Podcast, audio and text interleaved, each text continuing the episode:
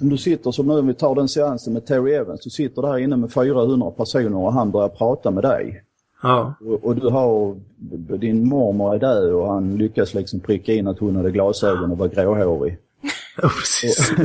Ja men det är på den nivån alltså.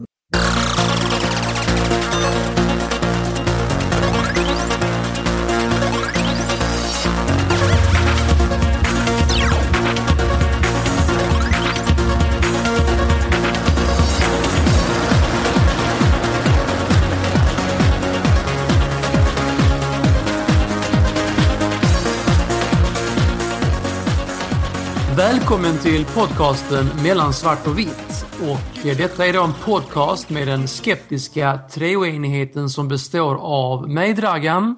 Mig Thomas. Och mig Lisa. Precis, varför vi har ju fortfarande vår tantvikarie eh, Lisa här. Medan Erik tar en liten paus. Precis, och idag så blir det ett väldigt andligt avsnitt, eller hur Thomas? Ja, absolut. Det blir väldigt andligt kan man säga. Så att, eh, ja. Efter, efter förra avsnittet så måste jag bara få säga två saker jag tänkt på eftersom det var mitt första. Och eh, det så vill jag hälsa på alla mina nya bekanta jag fått. För att efter förra avsnittet så ringde ju Thomas mig och så utvärderade lite. Och då sa han ungefär så här att eh, när jag talade så var det så gällt och långsamt att glasen sprack och klockorna stannade. Typ. Vilket det, skitsnack. vem var det som sa det? Var det Thomas? Thomas? Sa ungefär så. Vilket skitsnack. Men ändå så är det så att jag liksom har svepts med en Twitterstorm av ren kärlek under veckan.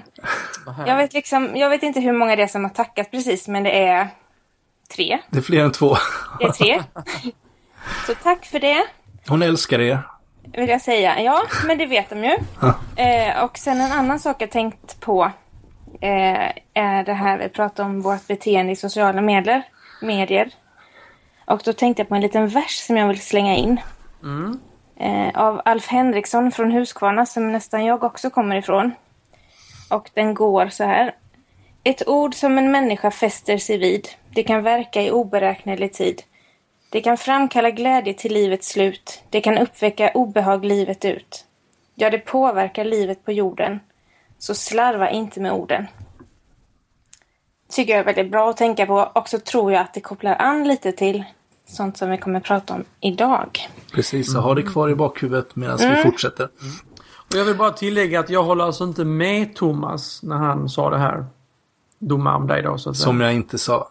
Okej, okej. eh, för att återigen återknyta lite till förra avsnittet så var det nyheter om att försäljningen av George Orwells bok 1984 ökar lavinartat. Jag tror det var upp till 6000 procent på Barnes Noble eller så. Så det är rätt häftigt. Och det är ju kul att om det verkligen beror på vårt avsnitt förra veckan bara. Att det går så fort. Det var coolt. Förmodligen, eftersom vi har ju så många miljoner lyssnare. Vet du. Men Det Ja. visar ju väldigt tydligt på att när någonting eh, nämns mycket i media så, eh, så, eh, ja, Så ser jag det. så säljer det helt enkelt. Absolut. Eh, Eh, en annan sak som jag skulle vilja ta upp som har varit lite i debatt, inte minst på Twitter den gångna veckan. Eh, det utgår från en artikel som Karl-Henrik Jacklund skrev i, i Dagen, eh, den kristna tidningen Dagen, med rubriken Är det bara svordomen du hör? Om skillnaden på att lyssna vad som sägs, inte hur. Och eh, Karl-Henrik han berättar om en artikel som de gjorde med en man som heter Börje Hellström. Vars gudstro har hjälpt honom att överleva och eh, landa i meningsfullhet trots att han har varit sexuellt utnyttjad, kriminell och missbrukare. Och I den här intervjun så eh, sa han följande då att jag måste börja varje dag med att be, annars går det åt helvete. Och eh, en jävla bra grej med bönen är att man alltid får svar. Och eh, när det här väl kom att eh, skulle skrivas då så censurerades de här svordomarna bort för att inte uppröra de eh, kära präktiga frikyrkliga läsarna då. Men Karl-Henrik kände väl sedan då att det kändes inte riktigt bra. Och just att det finns många som, som har känt eller som känner att man inte passar in i en del kristna sammanhang för att man inte uppfyller de här oskrivna reglerna som egentligen inte har någonting med kristen tro att göra. Och eh, artikeln avslutas med frågan Hör du som har öron eller hör du bara svordomen? Eh, och eh, jag har funderat lite själv också att själv så, så svor jag inte förrän jag blev myndig tror jag faktiskt. Jag tror aldrig jag svor när jag var liten. Men det är väl för att du hade ett eh, frireligiöst, eh, en frireligiös uppväxt? Jo, det var aldrig några svordomar hemma. Och sen var jag aldrig lättpåverkad i skolan oavsett om det gällde dialekt, svordomar eller festande. Ni hör ju att jag har överlevt eh, 33 år i Skåne utan att få en sådär bred skånska direkt. Mm. En viss jävel. ja, precis. Eh, och... Eh, Oj, där svor jag ju. Ja, precis. Det var också rätt vanligt faktiskt att en del kompisar bad om ursäkt när de svor framför mig. Och det var väl ofta när man var på tu man hand. Eh, så. Och, och, fortfarande så är det väl så att det inte är naturligt för mig att svära i vardagligt tal. Men eh, i vissa känslotillstånd så svär jag desto mer. Eh, måste jag ju säga. Sen så är det väl så att jag har inga problem alls med att andra svär. Ehm, däremot så tycker jag inte att det känns helt bra när barn gör det mycket. Det känns inte så trevligt när man hör massa svordomar hit och dit på skolgården och när det görs i familjeprogram som Idol och Melodifestivalen och sånt. Ehm, och skulle det komma från predikstolen skulle jag nog hoppa till rätt ordentligt. Och ehm, jag tycker att det svärs onödigt mycket. Och och eh, alltså de exakta orden spelar ingen direkt roll. Men, men just det här att använda hårda ord oavsett om det handlar om eh, eh, jävlar eller om eh, könsord eller andra eh, kränkande ord så, så bidrar det till ett hårdare samtalsklimat där orden sårar mer om, om man då använder de här orden mot varandra. Fast det är väl ofta som så att man, det är när man förstärker någonting som man liksom svär till lite grann. Jo, det, det är väl så också att man förstärker kanske eh, för ofta och för onödigt hårt när man använder de här orden hela tiden. Ja, det kan vara så om det är alldeles för ofta. Alltså istället för bara säga din idiot så blir det din jävla idiot eller din satans helvetes jävla idiot. Eh, så. Thomas. Ja, men det här är ju för, det här är redaktionellt. Oh. Hur är er relation till svordomar? Lisa, du blir lite chockad här. Ja. Har du kommit över det, Lisa? ja, men li uh. eh, nej, men det jag reagerar på är att för min del är det så att jag vill inte svära, men jag kan inte heller. Alltså det låter så konstigt Fan. ur min mun. Och det låter helt fel. Så där, och jag trodde att det var så för alla som inte hade lärt sig svära som små. Därför blev jag chockad över att du sitter där och svär som att det var hur lätt som helst. Eh, det var inte hur lätt det... som helst, jag fick anstränga mig lite faktiskt. Men du måste anstränga dig lite va? Ja, det måste jag. För mig är det ännu mer så att det bara, allt som, all svordomar som har med djävulen helvetet att göra. Det kan jag bara säga om jag blir extremt, extremt arg och liksom viskar tyst mellan tänderna. Jag kan inte säga dem högt för det låter bara liksom konstigt. Eh, annars så är det väl som för dig att jag uppskattar det inte hos andra. Men jag tar inte illa upp. Så länge det inte är barn. Då tycker jag att det låter eh, värre. Det som händer hos oss då är att vi säger väldigt mycket så skit och shit. Eh, svin, as, himla, sjutton, tusan, attans, men för, liksom bövel, allt möjligt. Och då säger lärarna till mina barn ibland att de svär när de säger skit. Om man säger ditt as eller ditt svin, då är det väl kanske lite sånt där. Men jag menar inte skit. som man säger, åh det var skitbra, den var ju skitsnygg och nej, det var skitful. Det tycker inte jag är svärord. Det kanske är dåligt ordförråd, men... Eh... Byt ut skitful till lassful, det är bättre. lassful?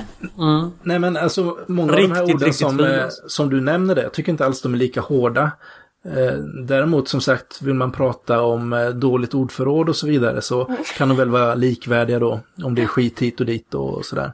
Annars för, för om man är upp, uppvuxen religiöst och säga så är svordomar i Sverige där man åkallar eh, djävulen eller alltså helvetet är det jag tycker är svordomar. Och det som jag också tycker känns fel men kanske gör lite grann är när man liksom säger Gud, herregud. Sen däremot de här liksom fula bajsorden så det tycker jag inte är svordomar utan bara lite ovårdat. Men könsorden då? helt otroligt att, att, att det här kommer bli ett så här långt samtalsämne. Det kan ju bara bero på att vi har ett förtroende här i panelen. Jo, alltså. men det är ju så här, det här är ju någonting som, det är lite eh, tabu och så, va? och som sagt, det är väl det som, som Karl-Henrik tar upp i artikeln också, att man passar inte riktigt in. Nej. Då man kommer in i ungdomsgruppen i kyrkan och sånt där och så och så svär man en hit och en dit och sånt där. Det, det passar riktigt, inte, inte riktigt in. Och det gäller så med andra saker också. Det kan gälla alkohol eller Ja. andra saker som, som liksom inte är med i den yttre polishen som man eh, ska ha då. Svaren han har fått på Twitter visar att det var en väldigt viktig och eh, bra artikel. För att den eh, människor har liksom verkligen reagerat bara på att han svor och inte tagit till sig innehållet i artikeln heller. Så att det visar verkligen att han hade en poäng. Att den här präktigheten är så, blir så stark så att man inte kan se innehållet. Alla håller med honom utom Tommy Dahlman ungefär. Var det ungefär. Men, Nej, eh, ett par till. ja, ett par till också. Ja. Eh, Det var eh, en annan sak som jag tänker, det är lite roligt här med svordomar jag vet Magnus Bettner brukar ju ta upp det också att i Bibeln så står det att du inte ska missbruka Guds namn. Eh, vilket borde göra att eh, de här svordomarna som har med djävulen att göra, de borde ju helt okej. Men eh, herrejösses och, eh, och herregud och så vidare, eh, de borde vara betydligt allvarligare då. Men eh, jag har ju också hört lite åt det här hållet då att man jag tror inte mina föräldrar har sagt att man åka- åkallar djävulen om man säger fan och så. Men eh, någonstans så har man ju haft med sig det eh, lite grann. Men eh, ja, Mm. nu reagerar jag mest på det här eh, hårdare samtalsklimatet som, som det ger där orden sårar mer. Och jag vet, jag blir, hoppade till lite ändå här när min eh, äldsta dotter som är nio år, hon kom hem och sen var det någon situation i köket och hon hade med sig en kompis. Och plötsligt så sa hon till mig, jävla apa. Oj, Till dig. Ja. Och jag bara tänkte, var kom det där ifrån? Och då sa hon, ja men det har vi läst i skolan. Tänkte jag, vadå liksom? Och så visade det sig då att de hade läst någon, någon eh, dikt som gick ungefär din satans helvetes jävla och så vidare så. Tänkte jag, shit men vad är det här de läser i, i liksom trean eller tvåan eller vad det var. Så att eh, då gick moraltanten Thomas och pratade med lärarinnan faktiskt. Jag undrar lite vad det där var. Eh, och eh, eh, det var ju då någon slags dikt som skulle visa på någonting och sånt där. Men som egentligen faktiskt var skriven för femmor eller sexor. Men hon var ju lite sånt där att ja men det, det är ju inte så farligt. De säger mycket värre saker på skolgården. Och jag menar, ja, det är väl ingen anledning för att man ska legitimera den typen av språk i, i klassrummet. Och jag menar om de skulle sagt liksom, om det inte var jävla apa, om det var jävla fitta till exempel istället. Skulle de tyckt det var okej också? Eller var, var går de här gränserna någonstans för vad man får säga till varandra? Fast är det inte skillnad mellan jävla apa och jävla fitta? Jo, det, det är ju skillnad. Det är ju det jag säger, det är en skillnad. Men var går gränserna liksom? det är inte samma sak. Nej, det känns som att det är en rätt stor skillnad. Ja, det är, det är en sist- stor Det skillnad. sistnämnda där är så viktigt att reagera starkt mot eftersom att det är så, som ett nedlåtande ord. Precis. Eh, vi går ju på ishockey ibland i den här släkten och eh, det är liksom att man skriker F-ordet, Karl jag kan inte ens säga. Eh, så det är ju väldigt viktigt att reagera när barn och vuxna säger så eftersom att det visar på en så dålig kvinnosyn. På något sätt. Så vissa ord kan man ju reagera på av olika anledningar. Jo, precis. Och det är samma som att det finns andra skällsord som, som då egentligen eh, är kränkande för eh, vissa, eh, ja, om man kommer från vissa nationaliteter eller hudfärg eller sexuell läggning och så vidare. Eh, och de, eh, ja, det är inte så kul eh, när de används eller när H-ordet används eller eh, flickor emellan är ju inte så trevligt heller. Nej. Nåväl, det är väl dags kanske Ja. för oss att ge oss in på vårt eh, huvudämne. Det tycker jag.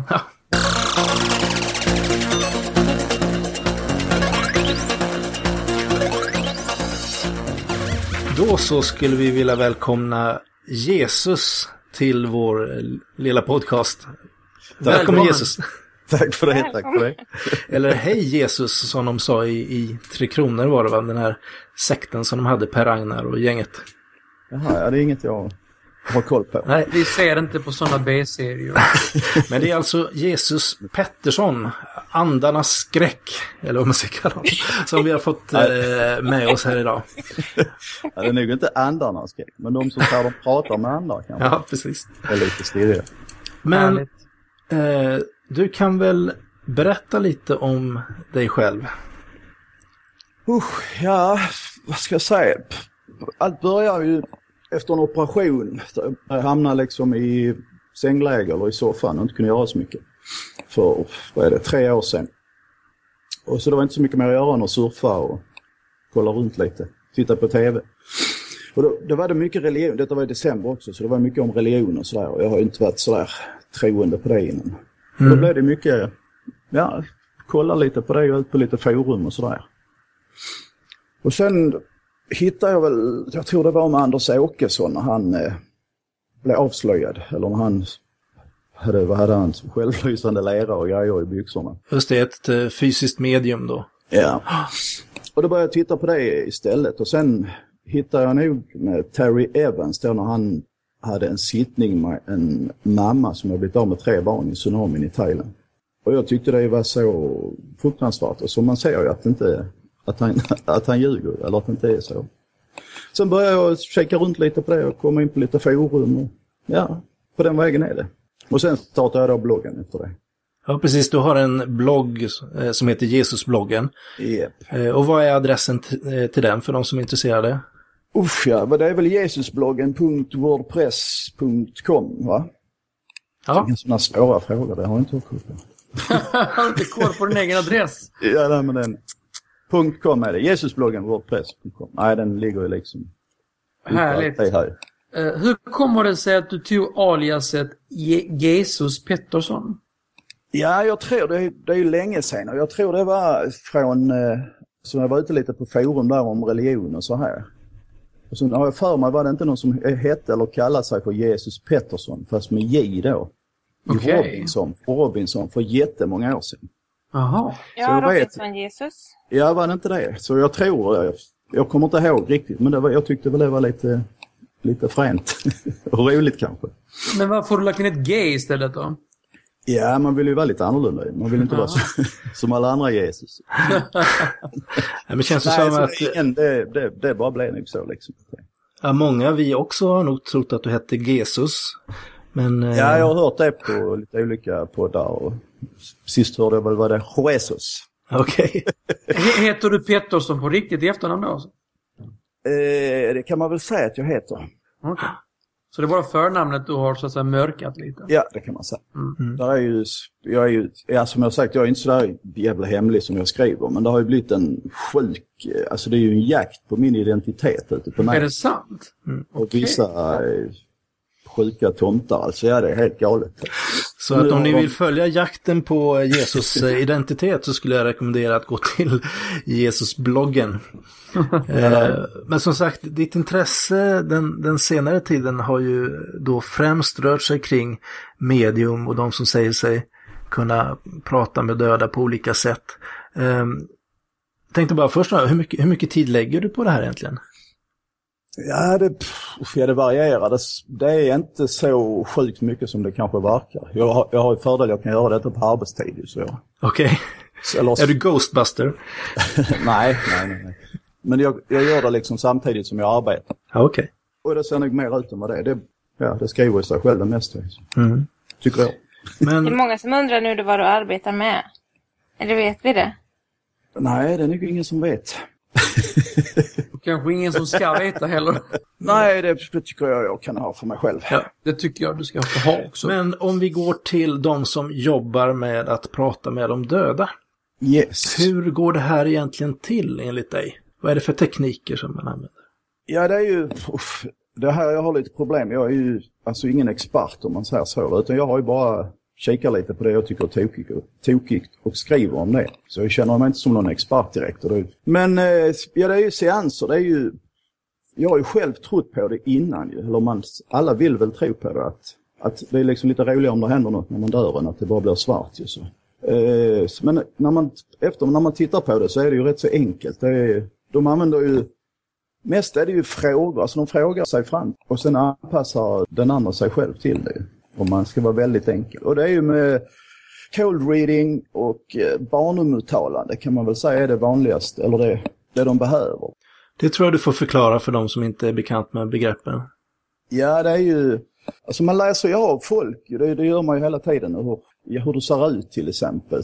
Men de, frå de frågar till exempel, lever din pappa eller är din pappa död? Svarar du då eh, nej, så ja, för han är här och, och han vill hälsa till dig. Och liksom frågar, är din pappa död? Så, sa du, så är det han som är där och hälsar. Är han inte död så är det kanske din farfar eller din morfar som är där. Och då vill han hälsa. Mm. Ja, så, så de har liksom svar på allting i början? Ja, man... du anpassar ju liksom hur det är. Istället för, ja men om jag skulle, hade jag fått kontakt med eh, din döda, eller någon av ers döda morfar så hade jag ju kanske sagt, jag har, jag har en morfar Lars här som vill hälsa till Thomas till exempel. Men det kan de aldrig säga utan om det är alltid, är din pappa, de måste alltid gardera upp sig först. Är din pappa död? Och är han det, så då, då kan han vara där och då kan det vara han. Sen är det ju alltid att det är det här klassiska med bara en bokstav eller de kan bara ge en bokstav. Varför kan döda bara ge en bokstav? Varför kan de inte ge hela namn liksom? Så man fiskar efter eh, information helt enkelt? Ja, sen, ja, så är det ju frågor och det är ju ofta, alltså, sen är det ju, och det här med barnen det är ju så det ska passa in, eh, ska man säga, du är osäker fast du är väldigt säker utåt och du är rund fast du är fyrkantig och du är lång fast du är smal och kort och det är ju så hela tiden och sen är det ju bias att man, eh, du, du tar bara åt dig det som passar, alltså selektivt minne eller vad man ska kalla det. Men eh, du nämnde här innan att, att du själv har trott på den här typen av saker innan med, ja, med liv efter döden och så. Ja, jag har, ju, jag har ju upplevt en del, många dödsfall så i kompisar och släkt och familj och så här. Och det är väl klart man vill tro på det. Det... Men gick du själv till något medium eller så i, i den situationen? Nej, nej, inte där. Nej. Jag har varit hos eh, spårkärringar eller vad man ska säga. Okej. Okay. Eh, tidigare då, när, när du ändå trodde ja, att det ja. låg någonting i det? Ja. Eh, har Men... du någon religiös uppväxt eller? Nej, inte direkt. Jag hade en religiös morfar. Mm. Men det var inget som färgade och jag vet ända sedan jag var liten så har jag inte alls trott på det heller. Nej. Det var konstigt. Så det, så det var en... Men ändå öppen för någon typ av andlighet då?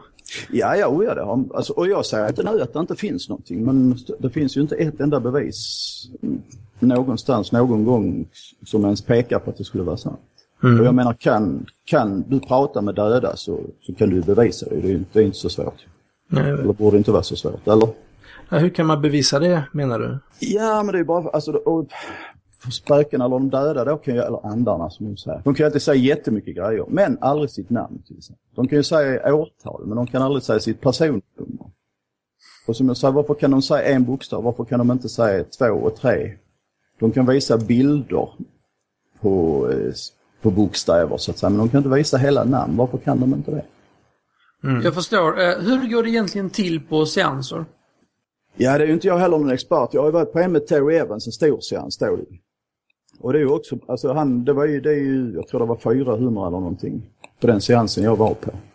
Och det är ju bara han slänger ur sig, jag har, oh, jag har en, eh, en man här som, som dog i cancer. Och så är det kanske 20 händer som åker upp ju. Mm.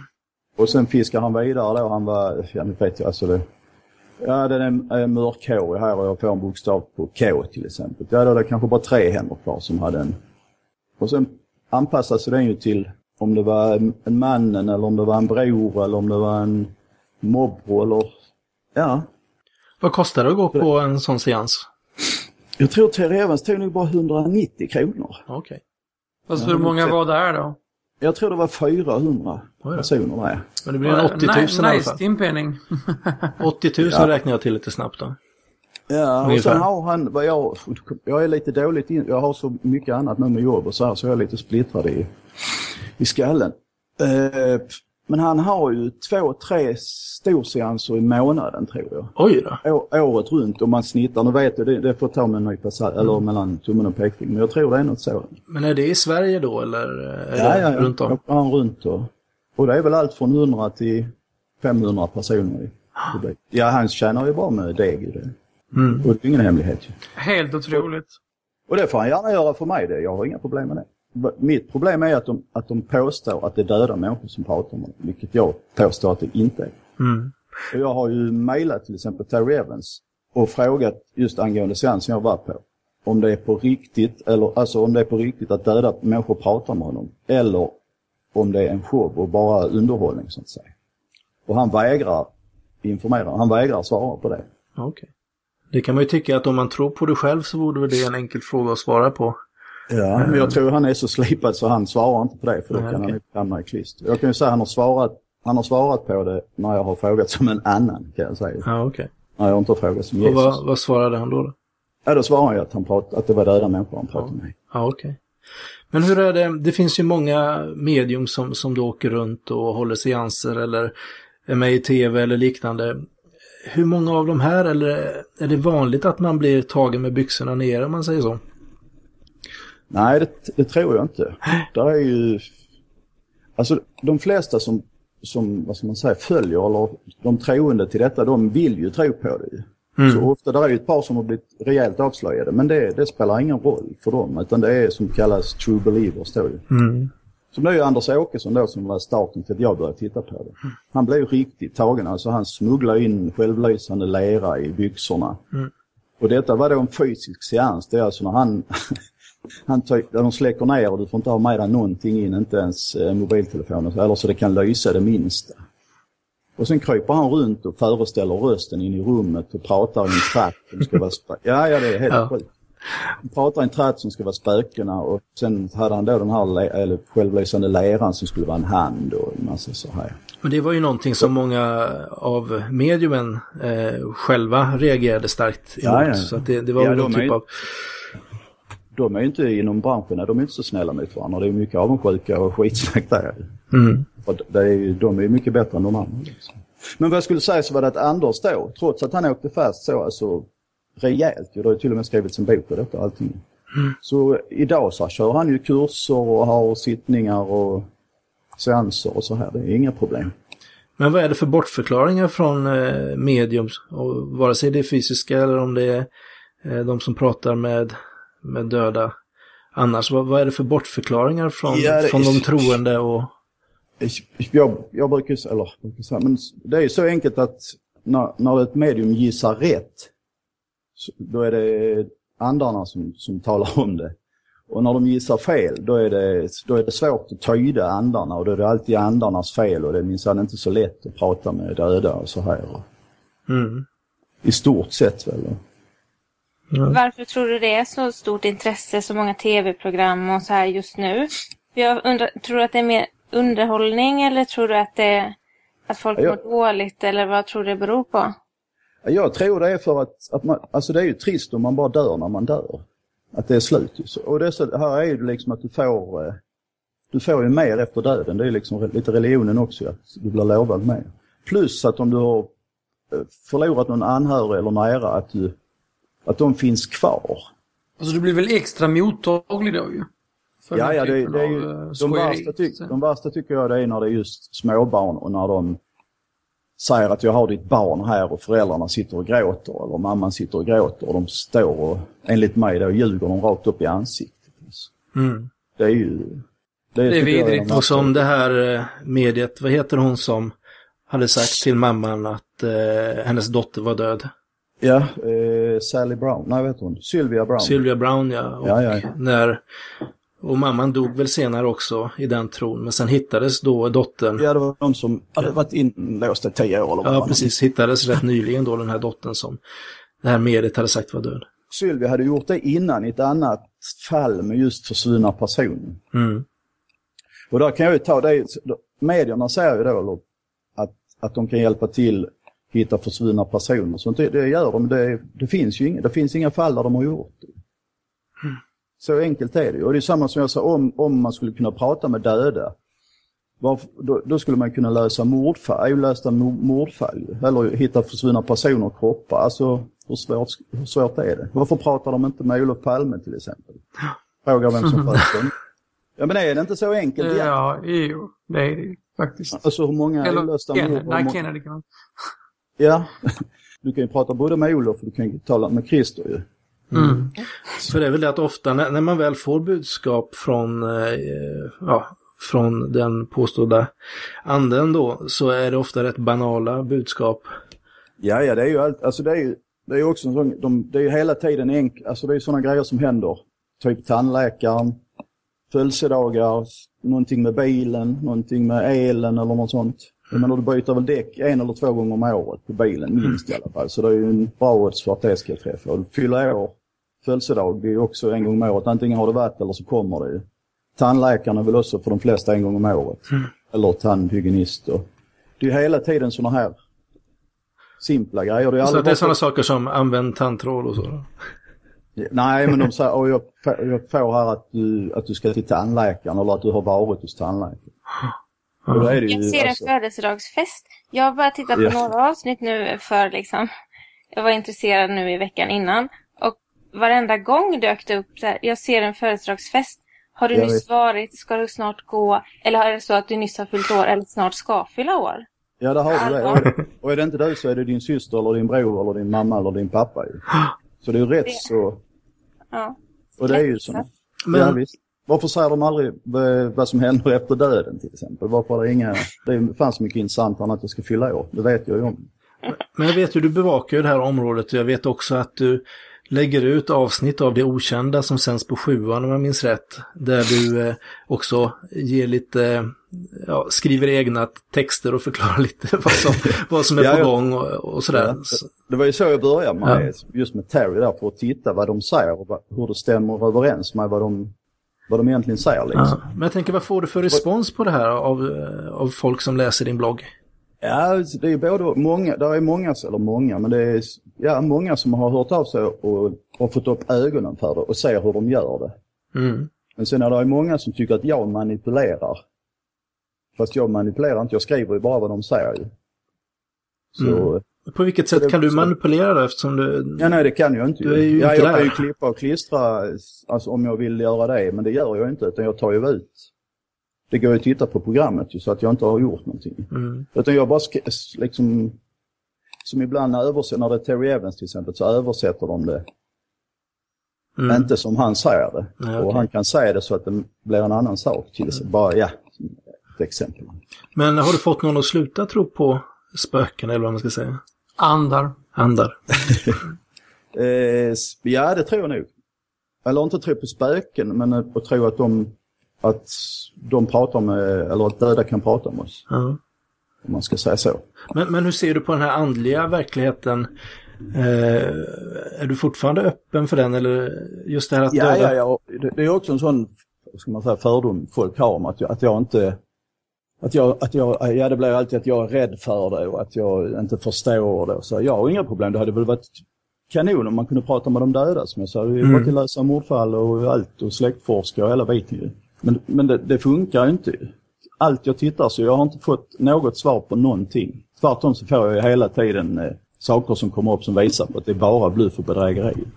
Mm. Varför är det så känsligt att ifrågasätta det här? Ja, jag, alltså det är väl för att det är, det är ju lite varierande då hur, hur, hur vad ska man säga, hur, hur mycket folk vill tro på det. Mm. Men det är väl alltså det är ju vissa, och det finns ju hur många som helst sådana här hemmamedium som håller på med det här och det är tarotkort och det är healing och det är allting och Ja, det är ju det. rätt stort. Ja, och ofta kan de ju, det är ju mycket liksom, det är ju, de snackar ju med djur och de healar och det är tarotkort och de spår i framtiden och de hjälper dig med, det är ju mycket kurser och så här och du kan certifiera dig och Det är ju väldigt Och- lättjänade pengar. Alltså, tänk, tänk dig att skapa, skapa en sån här grej ur ingenting och leva på ett jävla påhitt. Liksom. Ja, du, har ju, du har ju healing till exempel. Alltså nu, vad var det nu sist jag såg? Jag tror det var att hon kunde heala över chatten på Facebook eller något sånt. alltså, ja, nej men det är helt. Alltså det är, och du kan få mail med, med healing och de he- healar rakt ut på 300 kronor bara. Det är ju ingenting. Har det vuxit sen, eh, sen det här med traditionella religioner har gått ner? Har det här vuxit då eftersom man greppar efter andra strån eller vad tror du? Jag vet, jag, så bra koll har jag inte på det som sagt. Men jag tror detta är, jag tror detta är lite grann kvinnornas, kvinnorna har ju alltid varit förtryckta i alla religioner ju. Och detta är väl lite, lite bättre, inte religion, men detta är en lite bättre tro. Och det är mycket, jag skulle tippa att det är 95-99% kvinnor som håller på med detta.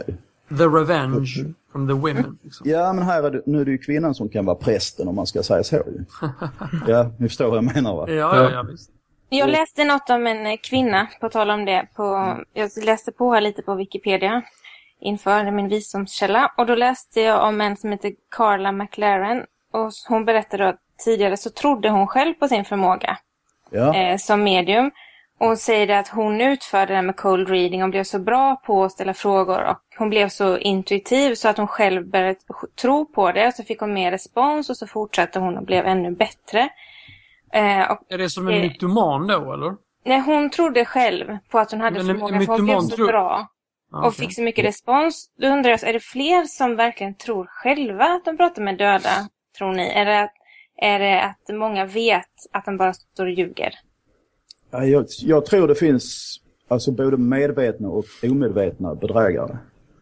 Tror du det finns omedvetna, bedragare. verkligen? Ja, men det tror jag Ja, det absolut. tror, det tror jag det är. Men det är ju nog de, de mindre. Ja, jag skulle vilja dra parallellen här till helande predikanter. Eh, faktiskt. Varför där är det också rätt mycket de här barnuttalanden. Du är på ett möte med tusen människor och du säger att ja, jag, jag känner att det är någon här som har haft problem med sin rygg väldigt länge. Och, och eh, ja, du har gått till doktorn flera gånger men det har inte hjälpt. Och, eh, kom fram här så ska vi lägga händerna på dig och be och, och så. Och där finns det ju en del av de här stora helpredikanterna som, som man kan känna sig väldigt skeptisk inför, som Benny Hinn och liknande. Eh, sen finns det ju många, jag vet jag, har haft kompisar och så när vi var yngre som eh, kanske gick fram till mikrofonen lite stapplande och darrande och, sa att de, att de eh, kände att det var nog någon som hade ont i ett öra eller något liknande då. Och eh, det är lätt att få en tanke och en känsla och så kanske man då eh, går på den och, och sen så får man träff också.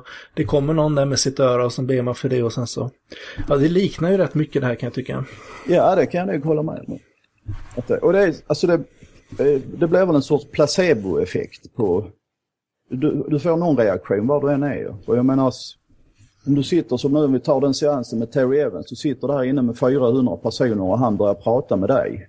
Ja, Och, och du har, din mormor är död och han lyckas liksom pricka in att hon hade glasögon och var gråhårig. ja precis. Ja men det är på den nivån alltså. Det, man blir, jag blev jätteförvånad när jag kom till seansen. Men det är Så- klart, så jag menar, extremt dåligt det blev. Och det är klart att du får en, en, en reaktion liksom. Och det är ju fantastiskt. jo absolut, och är också den här personen som håller seansen någon som du ser upp till eh, och så. Så det är klart, det blir en väldigt känsloladdad stämning när du är där och din mormor har dött och han pratar med dig och det är mycket folk och allt sånt här. Så att man, man kommer ju i ett väldigt känslomässigt tillstånd. Där det Ja, är nog visst. också är väldigt svårt att kontrollera vad man sänder ut för signaler och inte då. Men då har, då, om vi då fortsätter prata om medvetna så, eh, så de som då, alltså när de får, blir ifrågasatta, när de, de måste ju veta att de är medvetna. Men vad tror du Lisa om det här med medium, om man kan prata med det döda? Eh, jag tror... Eh, jag har i vanliga fall eh, ofta liksom lätt att vilja tro när det finns ett val mellan att tro och inte. Och när det gäller det här med ifall de döda finns kvar på något sätt, ifall de ser oss eller inte och ifall man kan få tecken. Där kan man ju varken bevisa det ena eller det andra. Så i det här fallet är det väldigt svårt att veta. Jag tror inte på medier som de här som vi pratar om nu. Eh, däremot så har jag ingen anledning att välja att inte tro på människor som säger att de har upplevt något personligt. Och att de känner att de har fått något tecken eller att de känner på något sätt att någon som har dött eh, fanns nära dem vid något tillfälle. Eh, eh, och jag vet inte, för jag är ju troende själv. Och då tror man ju på något sätt på Gud, änglar, andar. Eh, Så just de här frågorna är svårt att förhålla mig till. Eh, hur, hur tror ni andra? Mm. Alltså, jag vet inte, jag känner mig rätt övertygad om att det inte går att få kontakt med de döda. Eh, och speciellt inte på det här sättet med de här mediumen vi pratar om. Men eh, jag inser ju samtidigt att jag inte är konsekvent då jag är öppen för möjligheten för att Gud existerar och att Jesus var Guds eh, son, Gud inkarnerad.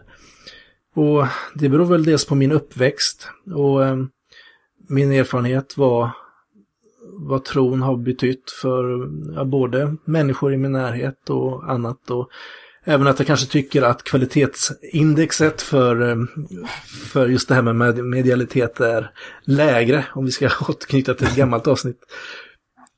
Eh. Jag, jag säger samma där som att jag säger, jag säger inte att jag vet att det inte finns något efterliv eller att man inte vad som händer när man dör, det vet jag inte. Och det är, och det är samma, jag säger inte att folk inte upplever saker. Nej. Det är klart de upplever, jag har ju själv upplevt jättemycket och massor. Och sen, men sen anpassa, och sen är det ju bias, att man vill ju man vill ju att det ska vara, det är ju, det är mycket roligare om det finns någonting. Kan du berätta sen, någonting om det som du har upplevt som du kanske inte kan förklara eller? Nej, jag har, jag, jag har lite problem med att sova så här och blir lite sömnparalyser. Det är ju när man kroppen, jag vet inte om jag behöver förklara det, men kroppen, när du sover så stänger man av så att inte musklerna ska röra sig eller så du inte ska springa under när du springer mm. i drömmen så att säga. Och så ibland kan man, innan man, precis när man somnar eller när man vaknar så kan man liksom kan man vara avstängd eller paralyserad fast du är vaken. Ja, precis. Och då kan man få lite då, jag tror det heter sömnhypnagoga eller något sånt, lite hallucinationer. Mm. Det har jag också och, fått faktiskt. Ja, och det är ju ofta att någon håller ner det eller så. Men jag, jag, jag hör ju folk som pratar och Oj då. Spöken mm, det har jag också hört. Mm. Jag drar av mig täcket till exempel och någon som lägger sig vid sidan om. Och... Ja, så långt har inte jag gått. Och för sig, men, men just det här att man hör någon prata, ja, det, det, det, känner jag. Och, och det är obehagligt om du inte vet vad det är. Jag har inga problem med det nu, men förr när man trodde det var spöken så var det ju lite, lite läskigt. Jag hade en upplevelse när jag var kanske fyra år eller sånt där. Just av att vakna på natten, inte kunna röra mig, inte kunna skrika och att det var en svart gubbe i rummet. Eh, mm, som... Men det är väl en klassisk ja, precis. drömparalys liksom. Och vet du inte vad det är och du tror att det är spöken så är det väl ja. enklare att det är spöken så att säga. Och... Men, men, vad heter den, den, den, den statusen man är i sa du? Sömnparalys tror jag det heter va? Sömnparalys, det var ja, intressant. Gör det inte det? Om jag inte jo, det, det jag, har aldrig tänkt på, jag har aldrig tänkt på och liksom fördjupat mig längre i, alltså, i det. Jag bara, att ibland har jag det och så har jag inte tänkt så mycket på det. Men nu har du gett en bra förklaring till Ja. Och det är ju många bland annat avsnitt i det okända så är det ju när du tittar på vad folk har upplevt så är det många gånger att det är, kan man förklara det med det liksom. Mm. Men är det inte ett, det är ett tillstånd där man är liksom hälften vaken och hälften i sömn? Ja, det är väl så att när du sover, vad jag har fått för mig så är det när du, precis när du somnar eller när du vaknar, eller när du sover så stänger, ska man säga, eller kroppen kopplar bort så du inte ska ligga och, och spralla med benen om du är ute och springer i drömmen. Så mm. du stänger av musklerna så att säga. Allting stängs av utan ögonen tror jag eller något sånt. Och då när du, kan du vakna fast då är du fortfarande musklerna avstängda. Så då blir det att du är paralyserad. Mm. Och sen finns det då, så kan man då få hallucinationer i samband med det. Och då blir det att man är vaken fast man inte kan röra sig. Ja, fast de här hallucinationerna upplever inte man dem som det är en dröm? Så jo, så finns det ju då, eh, vad heter det, lucida drömmar eller vakendrömmar. Mm. Så här. Så att du är liksom vaken fast du drömmer. Mm. Ja, precis. Jag är inte någon expert på det heller, men har du varit ute för det här Lisa? Nej, jag tycker det låter extremt obehagligt. Ja. Det är jätteobehagligt kan jag säga. Nej, det är det ju. Särskilt om man inte vet vad det är och tror man då på spöken så är det ju ännu läskigare liksom. Ja. Jag, jag, tolkar det själv som att man är mitt mellan liksom. Mm. Mitt ja, mellan folketisten och, och ja, dröm, dröm, och sömn liksom. Ja. Jag tänkte faktiskt att vi skulle gå vidare i programmet mm. och vi vill gärna ha dig kvar Jesus. Yep. Eh, det är inte varje gång man får ha Jesus med sig i båten. Eh, jag tänkte första faktiskt... gången du träffar eller pratar med Jesus på riktigt måste det vara. Första gången han har pratat tillbaka. Jesus. Jesus med G får vi säga. Ja, också. precis. Eh, Jesus är på G. Men eh, vi går till veckans bibelord. Och eh, ska gå till första Samuelsboken 28. Eh, och det var så här att Saul som var konung Eh, Eh, för judarna eller israeliterna innan David då som besegrade Goliat som jag sjöng om här för något avsnitt sedan. Ehm, han hade kommit i onåd hos Gud och eh, nu behövde han lite hjälp varför filisterna, fienden, stod, eh, stod för dörren. Och då gick han till en andeskåderska. Och jag läser därifrån då. Frambesvärjen frambesvärj en ande och spå mig, sa Saul. Mana fram den som jag nämner åt dig.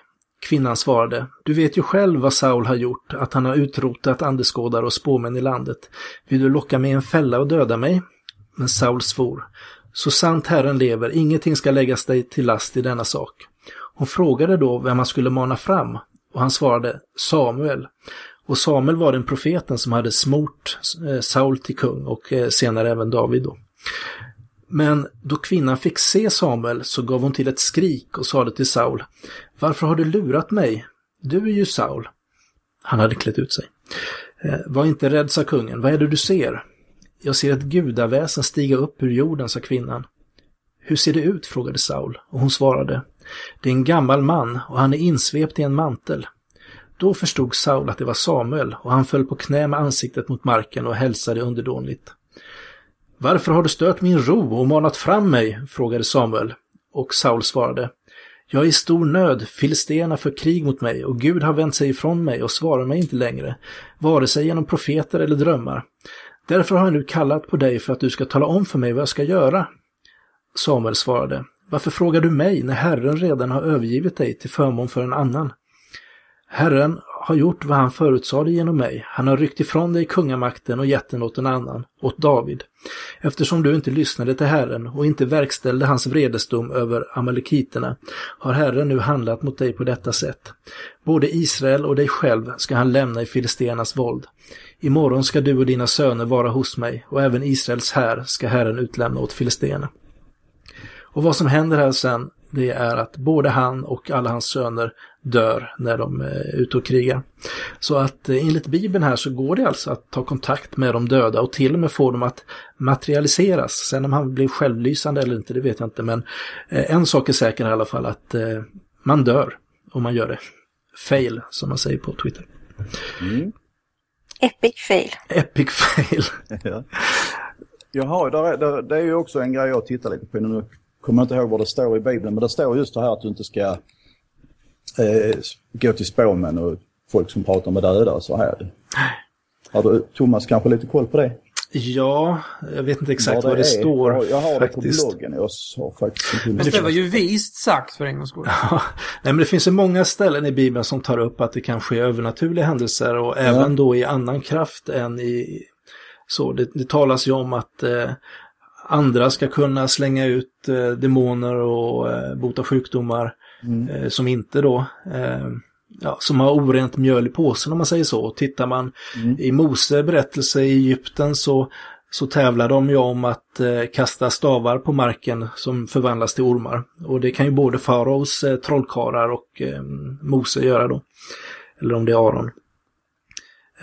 Men det är ju lite roligt här för att om man då tar Bibeln som att, vad ska man säga, att den berättar ett historiskt skede korrekt. Så att om, om man då har den bibelsynen att det här faktiskt har hänt, då får man ju också köpa det här med att det går att eh, kalla fram de döda. Mm. Men man ska inte göra det. Man ska inte göra det. Och jag Nej. tror, jag vet inte vad du säger Lisa, men inom de sam eh, sammanhangen som vi kommer ifrån, evangelikala, baptister, pingst och så liknande, så, eh, Eh, så finns det en väldig rädsla egentligen för att eh, ge sig in i sån här okultism och andlighet, eller? Ja, och då är det att man är öppen för att, eh, att det finns andar och, du, och att Bibeln säger det att försök inte tala med de döda eller ta inte kontakt med dem. Det öppnar på något sätt för att det går.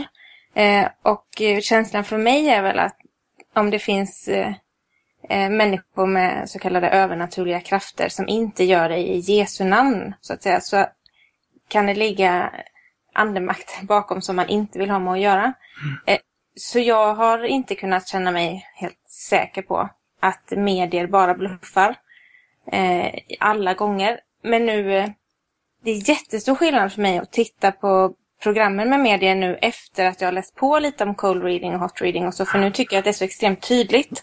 Och det, mm, det känns lite, skönt. Mm. Det är lite det jag menar, vet man hur de gör så tycker jag det är enkelt. Alltså jag har inte sett, mm.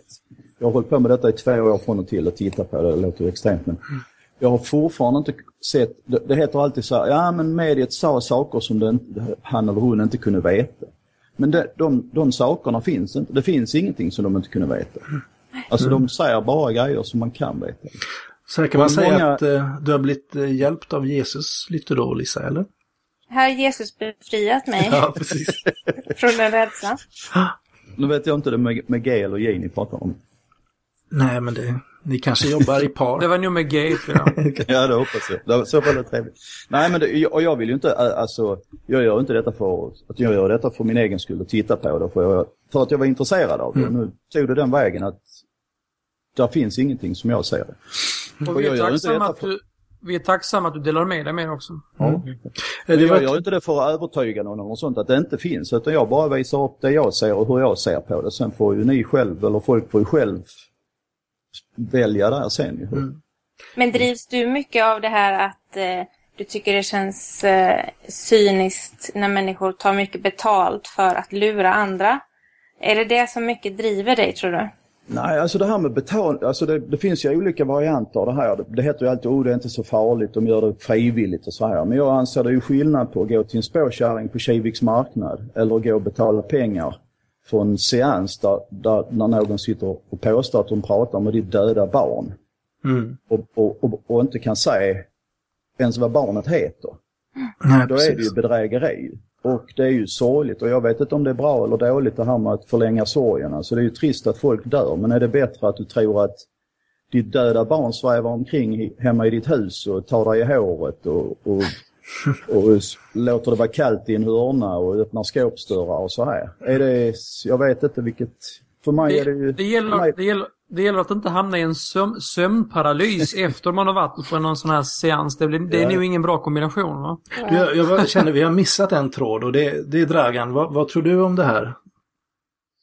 Eh, Eftersom jag inte tror på, på någon gud och, jag, gud och jag, jag tror ju inte på att eh, det finns ett liv efter det här. Jag tror att när människan dör så dör den. Det händer ingenting efter det. Så då, då är väl svaret rätt så givet att då finns det ju inga andar heller. Jag tänkte bara vi tar det för säkerhets skull. Men eh, nu har vi tagit ett bibelord. Eh, Dragan, har du någon lämplig eh, veckans förnuftiga funderare? Ja, det har jag faktiskt. Och det finns väl kanske bara ett eh, passande citat gällande det här ämnet. Och detta är ju dessutom ett eh, svenskt ordspråk och som, som lyder Den enes död, den andres bröd. Ja, det, den satt fint. Den, Det var väl väldigt passande. den var kort och koncis, träffsäker.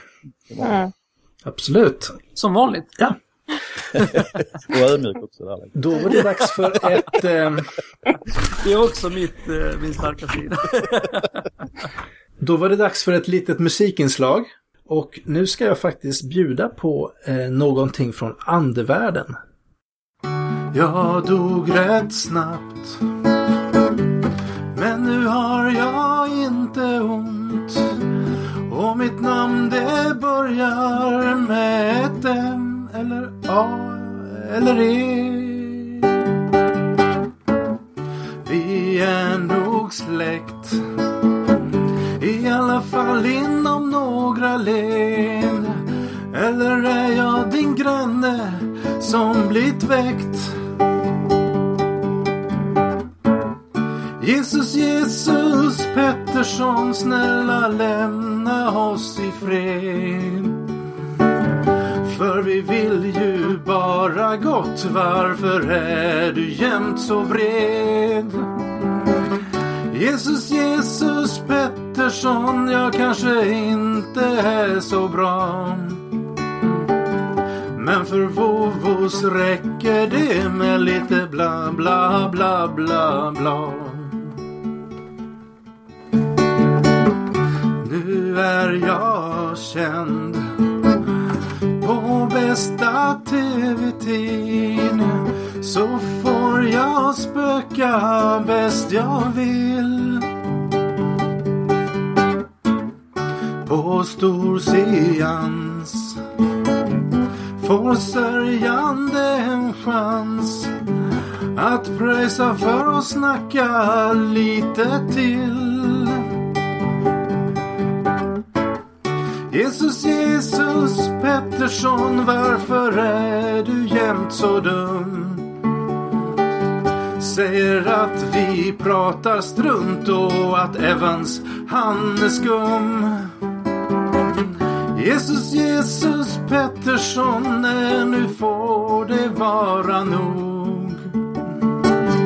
Det här är faktiskt inte kul och jag ångrar att jag dog.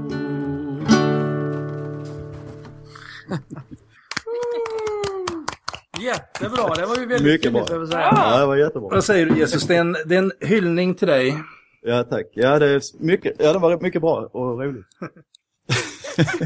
Hur lång tid tog det att skriva den, eh, Thomas? Ja, jag har skrivit den lite här under dagen. Jag kände igen melodin tycker jag. Har du snott den någonstans ifrån? Nej, den, den fick jag av en, en ande här. Eh, Så det är lugnt. Eh, Han sa att, eh, att det har gått ut den här tiden eh, som, som rätt, med rättigheterna. Den, Ja, det var bra. Mycket bra. men vi glider väl in i eftersnack lite så smått. Det är jättekul att ha med dig idag. Ja, Det är är så det så utanför programmet eller det är... Nej, det är i programmet. Oj, Det är innanför hålla, programmet. då får jag hålla mig. Så det är officiellt eftersnack. Sen kan vi ha det inofficiella, tuffa eftersnacket efteråt. Men nu, nu får vi tänka lite på vad vi säger. Eh, Ja, då. men man har ju sett Nej, dig det- väldigt mycket på nätet eh, också. Så att eh, jag vet vi har velat ha med dig tidigare och det känns hedrande att få ha med dig idag. Ja, vad skoj och hedrande att bli frågad och få vara med här. Var, Jag bara- du var ju även en av de första som kommenterade vår blogg också. Eller vår podcast. Ja, det som- stämmer nog från program ett va? Eller avsnitt ett. Ja. Ja, Så du, du, du började lyssna på oss. Har du, har du varit kvar och lyssnat på resten av avsnitten eller har du tröttnat? Nej, jag, har, jag är lite periodare. Det beror på med tidsmässigt och så här. Men jag har följt rätt så bra och tycker det är rätt så intressant med. Jag tycker ni har en bra mix av... Eh, ja, en bra mix Vi av har, ju, allting. u- vi har ju utvecklats en del. Gillar du utvecklingen? Ja, det tycker jag. Särskilt detta avsnitt. Ja, precis. det är fantastiskt. Nej, Nej, men det vet jag ju att det var... ehm, som sagt, eh, du var en av de första tror jag som var aktiv på vår eh, Facebook-sida. Det stämmer och skrev någonting med ja, kör hårt gubbar eller sådär. Så det, det uppskattar vi. Nej, det är Trots skoj. att vi inte är gubbar, men vi förlåter det. Goa gubbar det. Menar jag alltså. Jaha, okej. Tror ni det kan vara någon som eh, kommer lyssna på det här och tänka att åh vad de blandar ihop det med spöken och att tala med döda? Det är väl inte samma sak eller? Spöken är väl när man hemsöker någon för man inte har ro men de vi pratar om är väl att medierna fiskar information hos de som är i frid någonstans, eller har jag fel? Jag tolkar det som att det är samma sak. Där är ju också en väldigt, alltså som jag inte heller har fått svar på. Det är det här med andra sidan och var hamnar de? Mediumen tar alltid, de hittar alltid något spöke, jag kallar det spöke, men andar säger de. Jag tycker det låter lite tramsigare med spöken så jag använder det. Och sen- Så det är medvetet att vi blandar. Ja.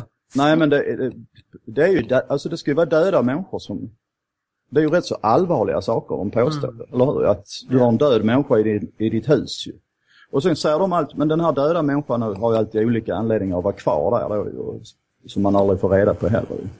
Men då kommer det här mediet och säger till den här döda, eller, ja, den här döda människan att du ska gå till ljuset eller du ska gå till andra sidan. Men var är det liksom? Och ibland är de på andra sidan och kommer och hämtar dem. Ibland... Så det, jag har liksom aldrig fått klart för mig riktigt det här med andra sidan, var det är. Och Mm. mycket... Tåget är försenat. Ja.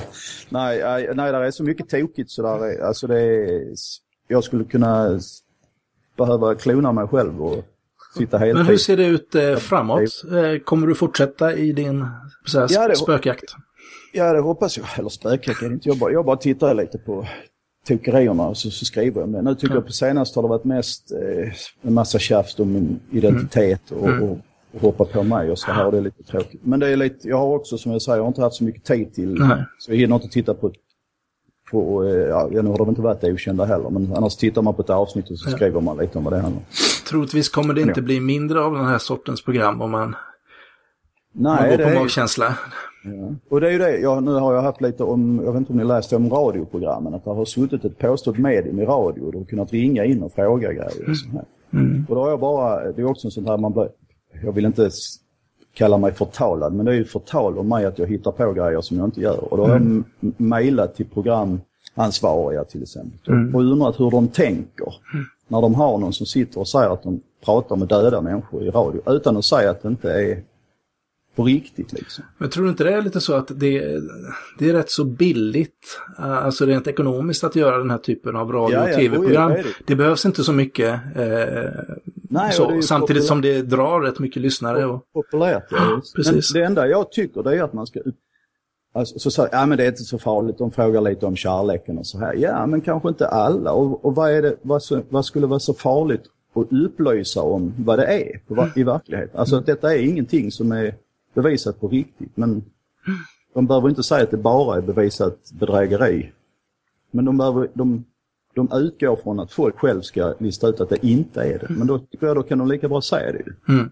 Som en liten ja, enkel upplysning. precis. Och när Eh, man då frågar dem så, så är det ingen som kan säga det här. jag tror vi får sätta punkt för avsnittet eh, nu. Så Mm. att ehm, eh, ska jag tacka Tobias Gustafsson också som kommer att klippa det här. Och i övrigt så, så får vi väl önska alla våra lyssnare en trevlig vecka och tack för att ni lyssnar. Tackar, tackar. Yes, och jag tackar för att jag fick vara med. Ja, Tack så. Hej då! Säger vi så. Tack. Tack så Hej, mycket. Hej, hej. Du har lyssnat på podcasten Mellan svart och vitt. En podcast som handlar om tro, tvivel, skepticism och humanism. Om du gillar oss så gå gärna in på iTunes och ge oss goda vitsord. Det värmer. Ta gärna kontakt med oss. Vi har Twitterkonto svart vitt för programmet. Och Thomas har Thomas Schoberg. Dragan har Draganist och Erik har Tant Erik. Gilla oss gärna på Facebook och Eh, vår hemsida hittas på mellansvartovitt.se och där kan man också kommentera de olika avsnitten. Och sist men inte minst så är vår jingel gjord av Dragans band The Lounge.